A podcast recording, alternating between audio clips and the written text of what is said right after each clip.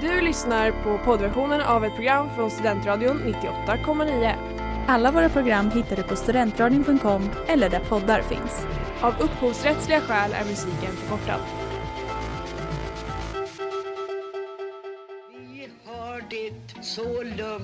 Och skönt här i Stockholm. Ja, stockholmare är smartare än lantisar. Stockholmare tror att en lägenhet kan vara värd 43 000 kronor kvadraten. Tycker att det är okej att köa en timme för att komma in på en krog där ölen kostar 60 spänn och tycker att det är rimligt att en latte kostar 40. Är vi intelligentare så är vi jävligt bra på att dölja det alla fall. Vad gör din Fabbe för något då? Fabbe? Farsa då? Hajar inte ditt eget modersmål va? Radio Holmiensis, ett program av Stockholms nation på Studentradion 98,9.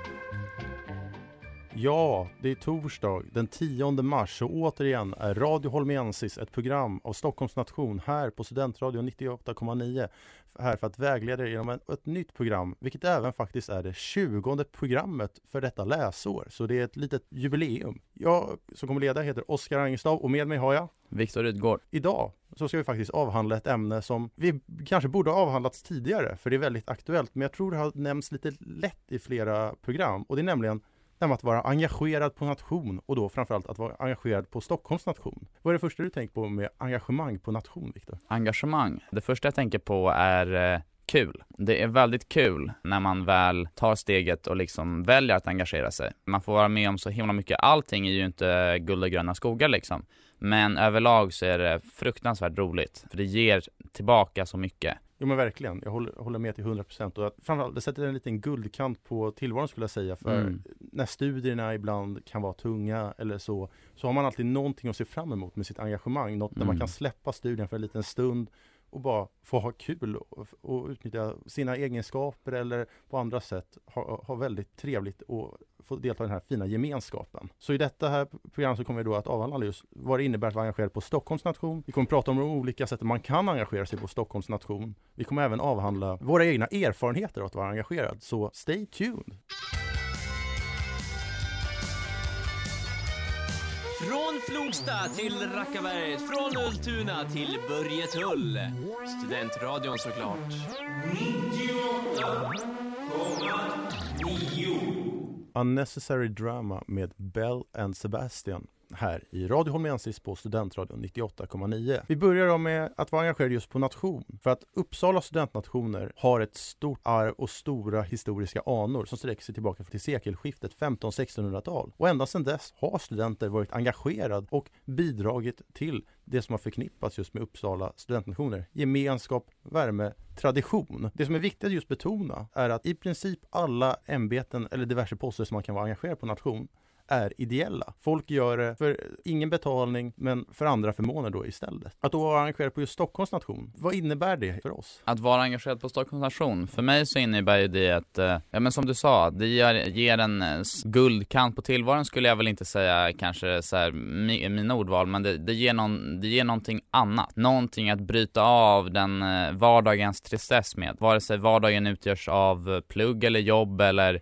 både och, som det är för de flesta studenter, så är det någonting som är någonting helt annat. Även om det kan vara slitet ibland, speciellt om man jobbar i något av köksarbetena som vi kommer tala om senare, så tror jag att även de har ju valt att göra det. Så alla är liksom We're all in this together. Det är den känslan man har. Det är, det är en jävligt trevlig känsla, måste jag ändå säga. Det här att man, eh, ja vi sitter i skiten tillsammans, eller vi, gör, vi har jävligt kul tillsammans. Och det, det, det tror jag är lockande för många. Ja, verkligen. Man skulle då tillägga att för att bli vald till ett ämbete eller för att engagera sig på nation så är det i i de flesta fall, eller det ska vara i alla fall, men sen fylls inte alla poster på de här, men det är så kallade landskap. På Mm. Stockholms nation håller vi tre landskap per termin och vid olika tillfällen väljs olika poster. landskap på nation, på Stockholms nation i alla fall. Det heter lite olika saker på de olika nationerna. Men det är som ett föreningsmöte egentligen. Jag skulle säga att det är nationens högsta bindande möte egentligen. Ja, högsta beslutande Organ. organ. precis. Då alla som är medlemmar av nationen är välkomna att delta. Ja. Eller alla är välkomna att delta, men bara, det är bara medlemmar av nationen som får rösta. För att då just på Stockholms nation söka ett ämbete så är det tre veckor innan ett landskap Mm. så, så sätts lappar upp i trapphuset i det gamla huset. Fysiska lappar. Fysiska Ja. lappar, där är att skriva upp sig då. Du skriver upp ditt namn och telefonnummer. Och sen Mm. två veckor senare, det vill säga en vecka innan landskapet, då tas Mm. de här lapparna ner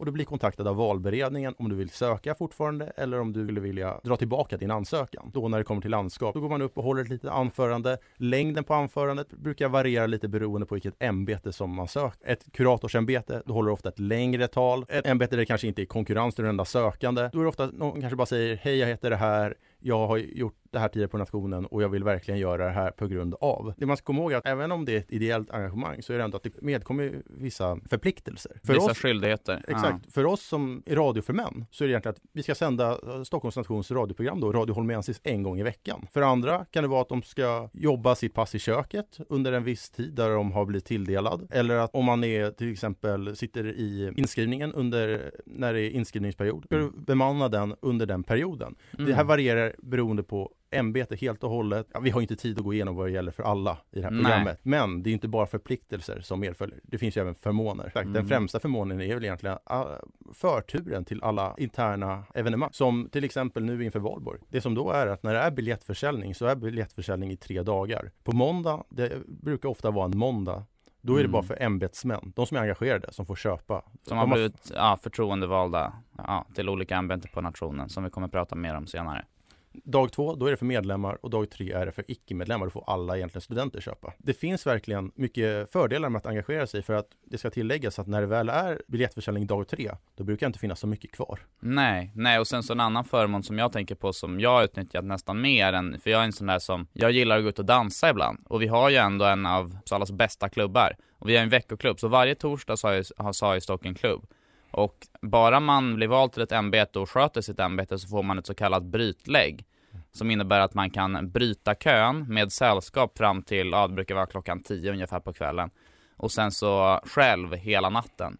Så du skulle, du, om, du vill, eh, dan, om du vill bli sugen på att dansa klockan 12 och klubben stänger 2, då är det bara att gå dit.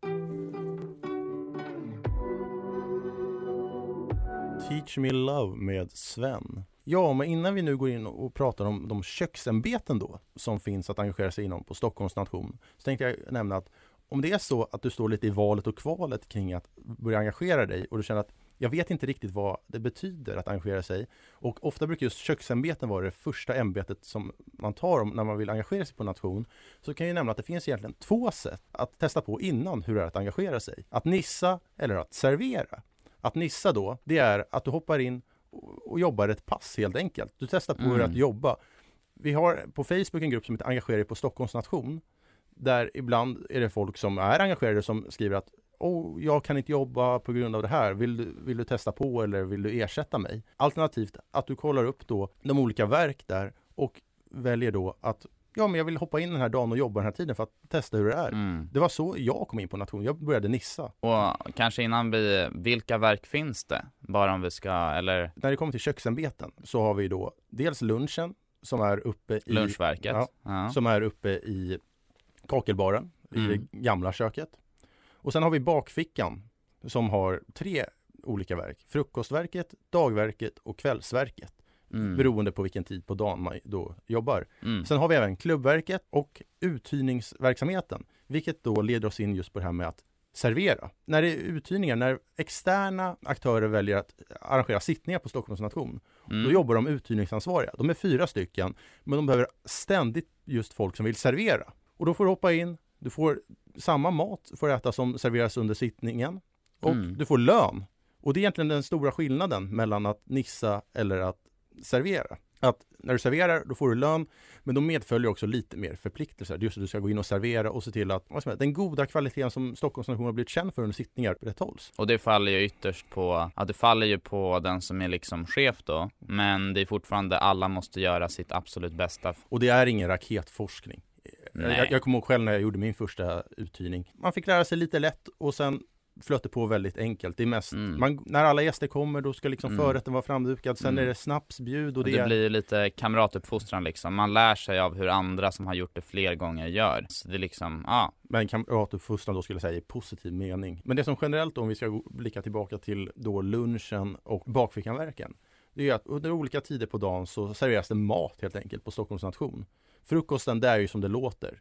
Under, jag tror det är från halv åtta ungefär fram till typ tio tiden. Mm. Så serveras det frukost då på Stockholms nation. Det efterföljs sen då i bakfickan av ett dagverk som serverar rätter som vi själva lagar.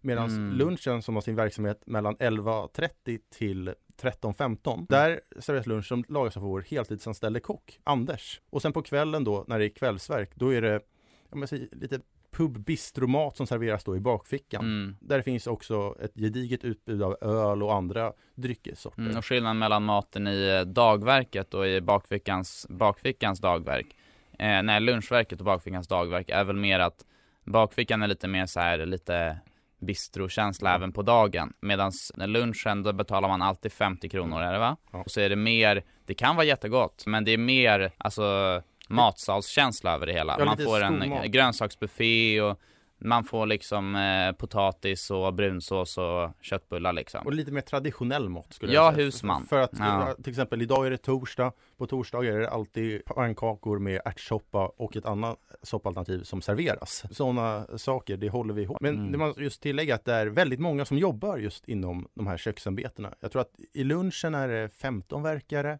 Mm. I eh, dagverket, kvällsverket är det väl, jag tror det är 23. Det kan Ja, det är per, per, verk. Så att det här är verkligen just vad många väljer att göra som första ämbete just för att Mm. du kommer in på nation och jobbar du just ett köksämbete, då lär du känna många. För att du överlappar just då med alla andra verk som jobbar i köken, ofta. Framförallt Mm. i bakfickan. Du lär känna folk och samtidigt får du ändå en inblick i nationen. Mm. Och Och du får en inblick i hur en, alltså en eh, re- relativt väloljad café eller bistroverksamhet fungerar. När och hur man ska servera alkohol och när man inte får servera alkohol och liknande. Alltså Visst, det är alltid någon som, du kommer ju ha någon, om du börjar som verkare så kommer du ha någon eh, mästare som liksom ta, kan ta de jobbiga besluten åt dig. Men det är fortfarande, alltså du måste ju vara uppmärksam på om det händer någonting. Då måste du, då måste du antingen göra någonting eller säga till någon. Det är ett ansvar som man kanske man inte ska ta för lätt på. Eller man ska ta det på allvar. Även om det är jättekul så är det ibland, ham- blir man ibland ställd inför situationer där man kan behöva göra tuffa val under, i knappa, ja, under, de, ja, dåliga, eh, under jobbiga förutsättningar. Och sen då, om vi exkluderar just då uthyrningsverksamheten som är egentligen den enda verksamheten på Stockholms station tillsammans med hovmästarna. Hovmästarna de serverar under våra interna sittningar. Det är hovmäst- när du serverar under en hovmästar då sittning kan vi kalla det och en uthyrningssittning, då får du lön. Om vi exkluderar de två, skulle det ämbetet då som jobbar längst tid per pass, det är ju då klubbverket. Och det som egentligen utmärker dem det är att ni ser dem ofta, de springer runt när det är klubb och fyller på glas i barer, plockar eh, ute på klubben. Mm, och, hackar is nu när det håller på att tinar och Mm. på vintern och, Men det ska även tilläggas att de lagar en hel del mat för att de är då tillsammans med vår heltidsanställde kock Anders, de som förbereder Holmiana-maten, vår restaurang på torsdagar. mm. Där man, om man Där ha- man måste boka bord. Exakt, man måste boka bord. Det gör man, jag tror det är senast tisdagen eller måndagen samma vecka klockan 12. Du ska ha skickat in din bordsbokning. Men det är Mm. om du vill ha en liten, sätta guldkant på sin utgång. Ha, Mm. ha, ha, Guldkant på tillvaron. Ja. Ja. Och väldigt fin mat, bra mat Ja. till ett överkomligt studentpris. Ja. Jag tror du kan få en trerätters för runt 200-250 spänn. ja, men det, jag har inte testat det själv men jag blir sugen nu när du talar om det Oskar. Talking to myself med The Linda Lindas, vilket även är veckans singel här i Radio Holmiensis på Studentradion 98,9. Alldeles nyss avhandlade vi köksämbeten på Stockholms nation och nu ska vi gå vidare till en sektor som kanske inte alltid syns men gör väldigt mycket och det är då kulturämbetena som Mm. finns på Stockholms nation. Vi kanske inte syns men vi, vi hörs ju. Exakt, för att om vi då ska börja. Vi i Radio Holmiensis, vi är ett stående exempel på ett kulturämbete på Stockholms nation. Mm. Det finns även många, många fler. Mm. Vi har tidningen Holmiensis med, Ja. med redaktör och redaktionssekreterare som Mm. gör en väldigt fin tidning måste jag säga. Och hur ofta kommer den ut? Vet du det? Jag tror det är fyra gånger per läsår. Så två gånger per termin Ja. ungefär? Och det som är då är att man har gått över till att digitalisera den väldigt mycket. Så nu är det ofta digitalt. Men ut. man eh, faktiskt börjar, man kommer trycka upp, det var nu under, det var, lite, det var när det var både pandemi och så ont om pengar så gjorde man digital. Men nu, det senaste numret ska faktiskt tryckas tror jag fysiskt. Men om det kanske inte, jag tror att det ska finnas att hämta ut på nationen i alla fall, även om det kanske inte kommer hem längre som det gjorde tidigare. Och om man inte eh, får hem det, då går det också alltid att läsa det just digitalt Precis, på, precis. på vår hemsida stockholmsnation.se. Ja, Sen har vi även teaterföreståndare, vi har kapellmästare, fanförare, marskalk, körledare, idrottsförman, sånganförare, bibliotekarie. Det finns flera, men vi väljer att nämna för att annars Ja. kommer det här programmet hålla på i all evig Och till exempel, vad gör en kapellmästare för något? Vet du det Oskar? Ja, det är ju ledaren för bandet. Vi har ju Precis, vårt, vår orkester eller ja, vårt band. husband Vibrato. Ah, Som spelar mm. ibland på vissa sittningar, de, Mm. till exempel under gåsmiddagen,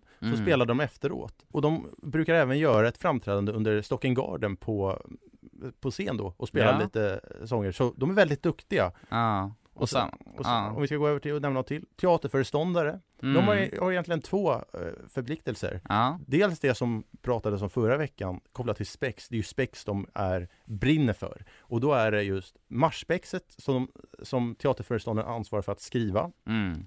Teaterföreståndarna, Ja, två stycken. Exakt. Mm. Och som sätts upp då, premiär 2 april. Det är vad säger man, det långa projektet, för det, de, man börjar ju skriva det tidigt. Det är ett, det är ett stort spex. Det Ja, på, januari direkt Ja, det håller på i cirka, Ja. jag tror det är två timmar Ja. med en paus. Och sen så är det även så att när vi har våra interna sittningar som Bellmansgasken, Höstgasken etc. Så är det alltid, det är ju spex då på scen. Mm. Och då är det de teaterföreståndarna som har skrivit det spexet och, och håller det på scen då. Ja, under, de under kan, middagen. ibland så kan de ju få hjälp av andra men det är Ja. fortfarande de som, de är alltid på scenen och då, de som har skrivit eh, allt det som sker liksom. Och skillnaden då jämfört med matchspexet är att de här spexen brukar vara väldigt korta jämfört med det. De brukar kanske hålla på i 10 minuter som högst skulle jag säga. Ja, jo. Om det inte är någon paus. Jag vet att på just gåsmiddagen då var det ett lite längre spex. Man, då gjorde man en grej av att det var när det var paus så var det spex i pausen. Så att man hade lite kul i pausen också, även om man alltid har kul ska jag säga under sittning. Ja, Men jag nämnde även fanförare. Viktor, du har ju varit fanförare. ja jag är Ja, fanförare. du är det fortfarande. Eh, jag blev ju omvald.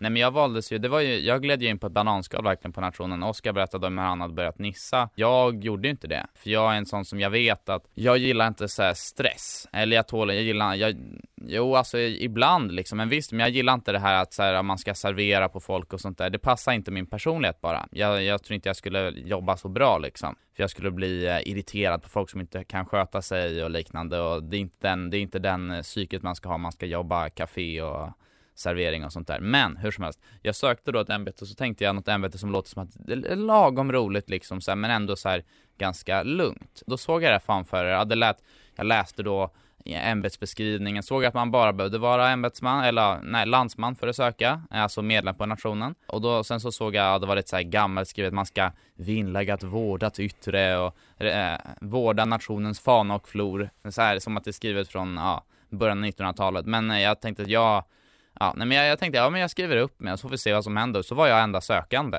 Så då blev jag vald liksom. Kände absolut ingen. Stod där inför landskap eh, hösten 2020.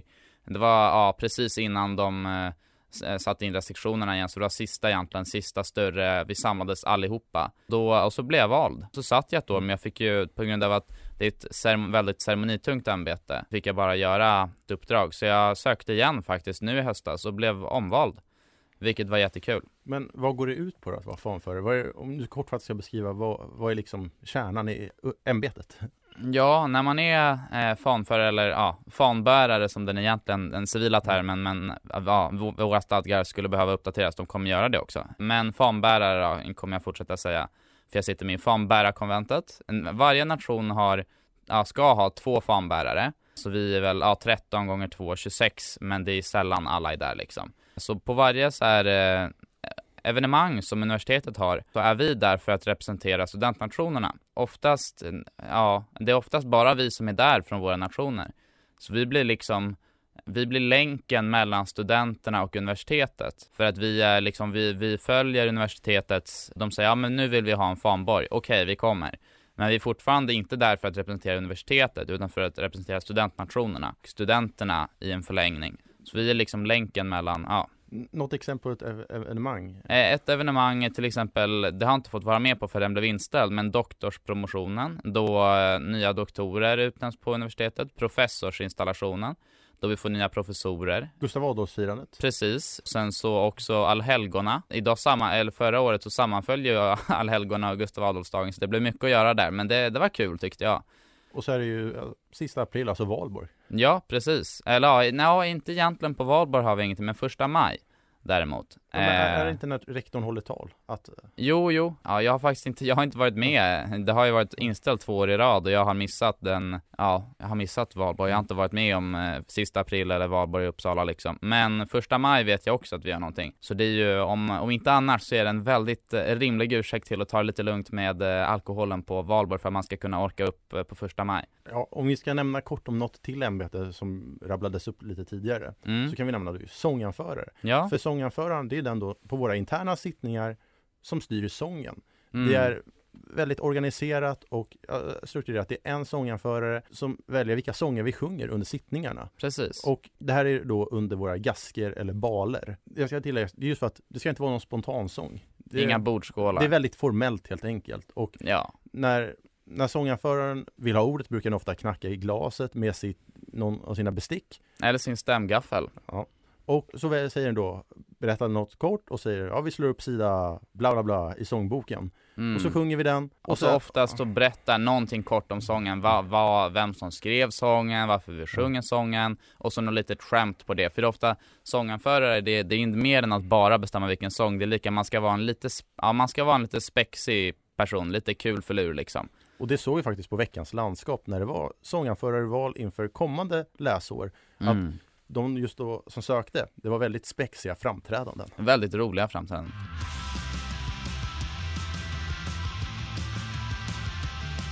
Nätterna med Karl Knut Sigurd här i Radio Holmensis på Studentradion 98,9. Vi har pratat nu om köksämbeten och kulturämbeten och det finns en sektor till faktiskt och det är då administrativa ämbeten. Och som det låter så är det mycket att man behjälplig just då för heltidare och kuratel Mm. i att utföra deras, hjälpa till med deras sysslor för att Mm. det är väldigt mycket egentligen som en heltidare har. Heltidare och kurator Och han eller hon behöver hjälp. Ja, Ja. heltidare och kurator är något som avhandlats tidigare när vi har, har gästats av bland annat olika som är det just nu på Stockholms nation. Mm. Men, så jag tänkte att vi går in just bara på vad vi har för administrativa ämbeten den här gången. Mm. Och då har jag skrivit upp arkivarie, notarie, internationell sekreterare, landsmannaförman, marknadsgruppen som innefattar då marknadsansvarig och, Och marknadsansvarig, är det marknadsföringsansvarig bland ja, annat också? ja exakt, Ja. och även eh, marknadsassistent, de som hjälper till då i gruppen. Mm.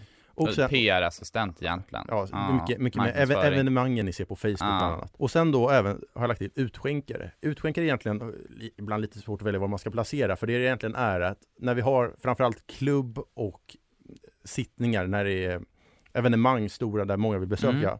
då behöver vi någon då som egentligen ansvarar för kvällen. Då, Jag ansvarar för alkoholutskänkningen igen, Ja, rent tekniskt. Det och Ja. brandskydd till Precis. exempel. Se till att allt flyter på enligt de lagar och direktiv som vi har. Men om man ska gå in på någonting här så skulle jag ändå vilja gå in på just landsmannaförman. Det var något som jag själv var under föregående läsår. Och det man egentligen gör då är, när det är inskrivningsperiod i början av varje termin så sitter vi då i biblioteket på Stockholms nation och välkomnar nya studenter. Skriver in dem på nationen. Mm. De får ofta en liten goodiebag. Då var det dessvärre pandemi, men, vi men det är ju alltid den här Stockholmsveckan då i anslutning som Mm. är Jag festligheter. brukar vara i anslutning. Nu, just den här terminen så var ju Stockholmsveckan uppskjuten typ en månad tror jag. Men eh, den blev av. Ja, men det, det som är då att festligheter är för nya studenter, alltså recensiorer. Den, Stockholmsveckan är till för er nya recensiorer. Och Mm. egentligen, det är ett evenemang där ni får bekanta er med nationen, men även med de traditioner och historia som vi har på nationen. Och man ska nämna något annat, vi har en internationell sekreterare som är mycket till för just då de internationella studenterna. Att man ska egentligen vara en person där internationella studenter som är antingen medlemmar eller engagerade just på Stockholms nation Mm. ska kunna vända sig till och fråga vad det händer. Ja, och just det ämbetet så hjälper det om man antingen har varit pluggat utomlands själv, så man vet hur det är att komma som utlänning till ett ja, men helt främmande land och försöka um, frä, nytt språk och ny kultur och även om man bara pluggar inom Europa så kan det vara jättestora skillnader i hur man hur människor är. Och då ska den internationella sekreteraren finnas där som en guide och liksom kunna berätta ja men eh, jag vet att det här kanske låter konstigt men eh, så gör vi här. Inte bara på Stockholms nation utan i ja, Stockholm eller Uppsala eller Sverige generellt. Och bara berätta så här, ja det är inte så konstigt som det verkar liksom. Ja, och det ska läggas till att just studentnationer är något som Ja, det finns även ute i Europa såklart. Ja, Det- ja. De första var ju från Tyskland och Italien. De första Mm, och där har just, Men, mm, precis. men själva grejen är att det är inte alla lärosäten runt om i Europa och världen som har just studentnationer. Så att det blir ofta kanske en så här, vad är en nation just när man kommer Ja. hit? Jag, vet, jag kan bara jämföra med när jag själv var på utbyte i Toronto. Universitetet jag var på, det fanns inget studentliv alls i princip. Det var mycket mer föreningar inom då olika ämnen. Sororities och liknande Ja, kanske. inte riktigt så, utan mer så Ja. bara in, intresseföreningar där man Aha. kunde diskutera, fanns, eller klubbar, alltså i form av att en matematikklubb eller sådana här saker. Mm. Och när jag berättar lite kort då hur det var i Som Uppsala. vi kanske hade på gymnasiet Exakt! Ja. Och när jag berättade hur det var i Uppsala, då var det mer så här, men vad är det för någonting? Och det, det är ändå just intressant för att vi som pluggar just nu, vi kanske tar det så för givet när vi väl är inne i just nationslivet. Men Mm. kommer du som ny och framförallt ny Och även om du inte utomlands, väljer att engagera dig så är bara du pluggar i Uppsala så kommer du stöta på nationerna förr eller senare om du inte är en total socialt loner liksom. Men just om du kommer då som ny och även just ny från utlandet, alltså du är utbytesstudent, då ska jag säga att det är svårt att begripa på direkten vad egentligen en Ja, studentnation att är. greppa liksom. Ja. Lovers Town med Arre Arre här i Radio Holmensis på Studentradion 98,9. Ja men nu har vi avhandlat vilka olika ämbeten det finns på Stockholms nation att vara en del av så tänkte jag att vi kan gå in och då prata om våra personliga erfarenheter av att just vara engagerad på nation. Vi har redan nämnt hur det kom att vi började engagera oss. Så tänkte jag att vi kan väl nämna lite kort om egentligen vad vi har upplevt under vår nationstid.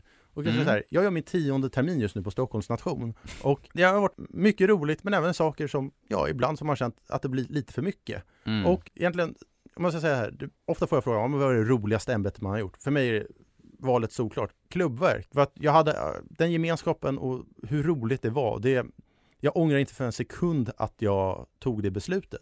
Samtidigt så är det ett ämbete som kräver väldigt mycket. Men Mm.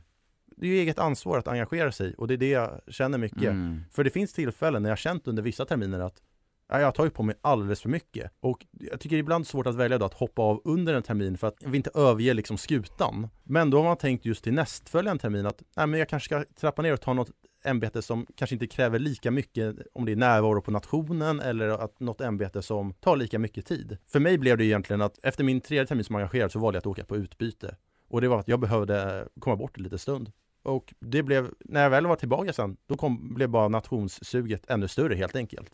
Mm. Så ibland är det kanske bra med en liten paus för att man kommer ihåg då, ja men hur kul det är egentligen. Mm. Jo men det kan jag föreställa mig att jag är ju sån här som extremt hemkär människa. Jag längtar hem till Stockholm från Uppsala. Det är en, vadå, vad är det, så här en halvtimme, timme bort med tåg liksom. Och jag längtar ju hem så mycket. Det är därför jag hänger på Stockholms nation mycket. Just för att nationerna är ju ändå lite som en ambassad. Eller det är den ursprungliga tanken. Det är att det ska vara som en ambassad för den delen av Sverige som de representerar. Ställa ett, ett hem, ett home away from home liksom. Och det är den känslan man, vi, vi på nationerna vill försöka förmedla. För dig då Viktor, vad har dina upplevelser varit av då nationslivet och tiden som engagerad framförallt? Ja det här är min, ja det är min fjärde termin nu som ämbetsman. När, nu i, eh, i höst så kommer jag ha suttit två år på ja, fanförarposten och sen så nu, ja ett tag i alla fall på radioförmanposten. Ja ett år i höst blir väl ja, på första landskap. Nej men jag tycker att det har varit, det har varit mycket eh, ups and downs som man säger så, mer ups and downs men det har fortfarande varit, jag har blivit ställd inför svåra situationer och inte egentligen kanske rent jobbmässigt, alltså så här att det varit åh vad mycket det är att göra. Jo ibland har det varit så. För till exempel, det blev ett glapp. Det var ingen som var fanbärare innan mig. Eller fan, ja, eller det var ju fanbärare men han, de två, hade typ ingen koll på någonting och hade typ var på utbyten eller något sånt där. Så det fanns ingen där som kunde hjälpa mig med att berätta var finns fanan? Var finns nyckeln till skåpet där vi förvarar fanan? Vilka kläder ska man ha på sig? Vad ska man göra för någonting? Så jag behövde ju fråga allting från vår första kurator och han visste inte så mycket. Han bara, men du får fråga den här personen. Så fick jag kontakta någon som hade varit fanbärare för typ fem år sedan. Som visserligen hade jättebra koll, men han var ju, han jobbade ju liksom och hade ingen tid att visa mig någonting. Så jag fick ju liksom lära mig genom de som var med i konventet. För just, ja, vissa nationer har, en, har haft mer tyngd på de här kulturämbetena. Uppvärderat dem lite, kanske inte uppvärderat dem men bara så här varit bättre på att berätta för folk att vi finns. Sök det här. Det är väldigt lite jobb och du får samma förmåner som ja, de som jobbar mm, många mer arbetskrävande ämbeten får. Men så här summa summarum, ångrar du att du började engagera dig? Nej, eller? jag ångrar mig inte alls. Jag tycker det, jag har fått jättemycket vänner som jag aldrig skulle ha fått annars. Ja, och jag håller fullständigt med. Concrete med Barry.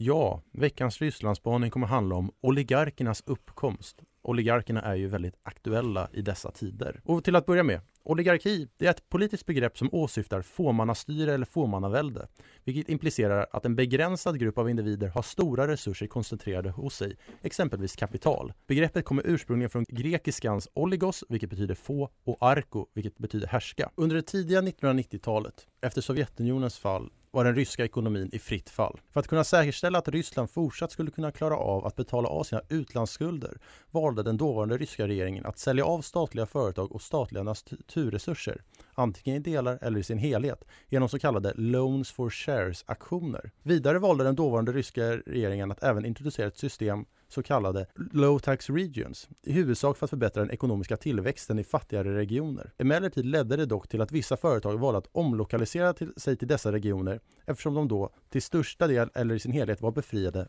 från att betala företagsskatter. Ett exempel på detta är Mikhail Khodorkovsky, före detta rysk oligark och tidigare ägare av oljeföretaget Yukos, som genom detta system kunde extrahera och sälja olja till ett billigt pris till Yukos olika handelsbolag, som i sin tur kunde sälja vidare oljan utomlands till marknadspriset, som ofta översteg det ursprungliga priset.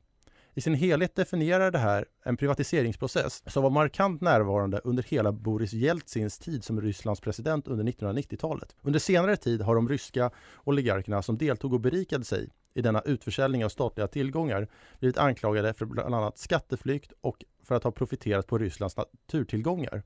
Och kritik har även riktats mot de statliga aktörerna som verkställde denna process. Att den ryska ekonomin var i fritt fall och riskerade Rysslands soliditet var därav den huvudsakliga anledningen till att oligarkerna kunde växa fram. Ryssland behövde pengarna från utförsäljningarna för att helt enkelt kunna klara att fortsätta betala av sina utlandsskulder och vara solid som aktör. Ett moment 22 helt enkelt. När sedan Vladimir Putin kom till makten var den allmänna opinionen rörande oligarkerna extremt negativ och ett av Putins mål var att minska oligarkernas makt och ställning i det ryska samhället. Emellertid blev dock inte situationen på det sättet då Putin föreslog till oligarkerna att ifall de inte involverade sig politiskt skulle Kremlin inte involvera sig i deras verksamheter. Detta ledde till att en ny våg av oligarker växte fram främst genom upphandling av nya statliga kontrakt. Med andra ord, oligarkerna fick behålla sina förmögenheter men deras politiska makt minskade. Det här var helt enkelt då en kort beskrivning av den här gruppen av människor som nu i dessa tider står flitigt i media. Oligarkerna det var helt enkelt en helt ny samhällsklass som växte fram efter Sovjetunionens fall i Ryssland på grund av att den ryska ekonomin var i fritt fall.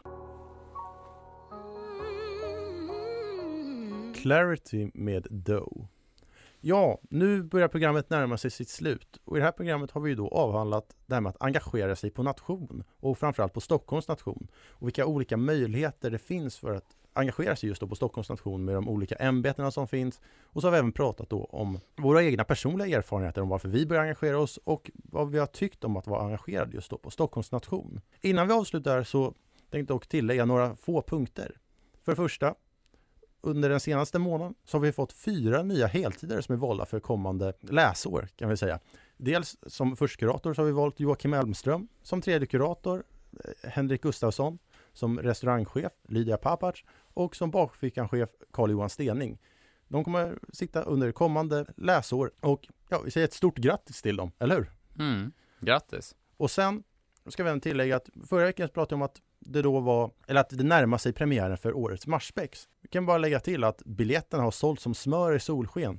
Mer än hälften av biljetterna har redan gått åt. Så om ni vill ha en biljett, se till att gå in på Biletto och hugg en för att de kommer ta slut. Biletto.se Men ja, vi som då har sänt det här programmet är Viktor Rydgård och jag, Oskar Angestav. Och vi önskar er alla en otroligt härlig torsdag.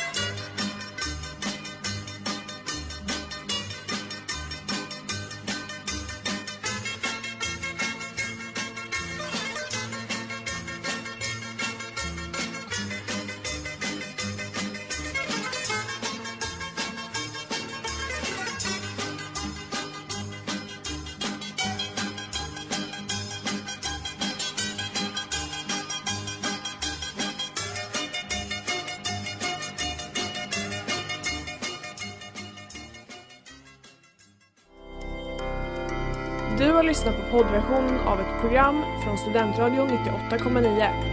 Alla våra program hittar du på studentradion.com eller där poddar finns. Och kom ihåg, att lyssna fritt är stort, att lyssna rätt är större.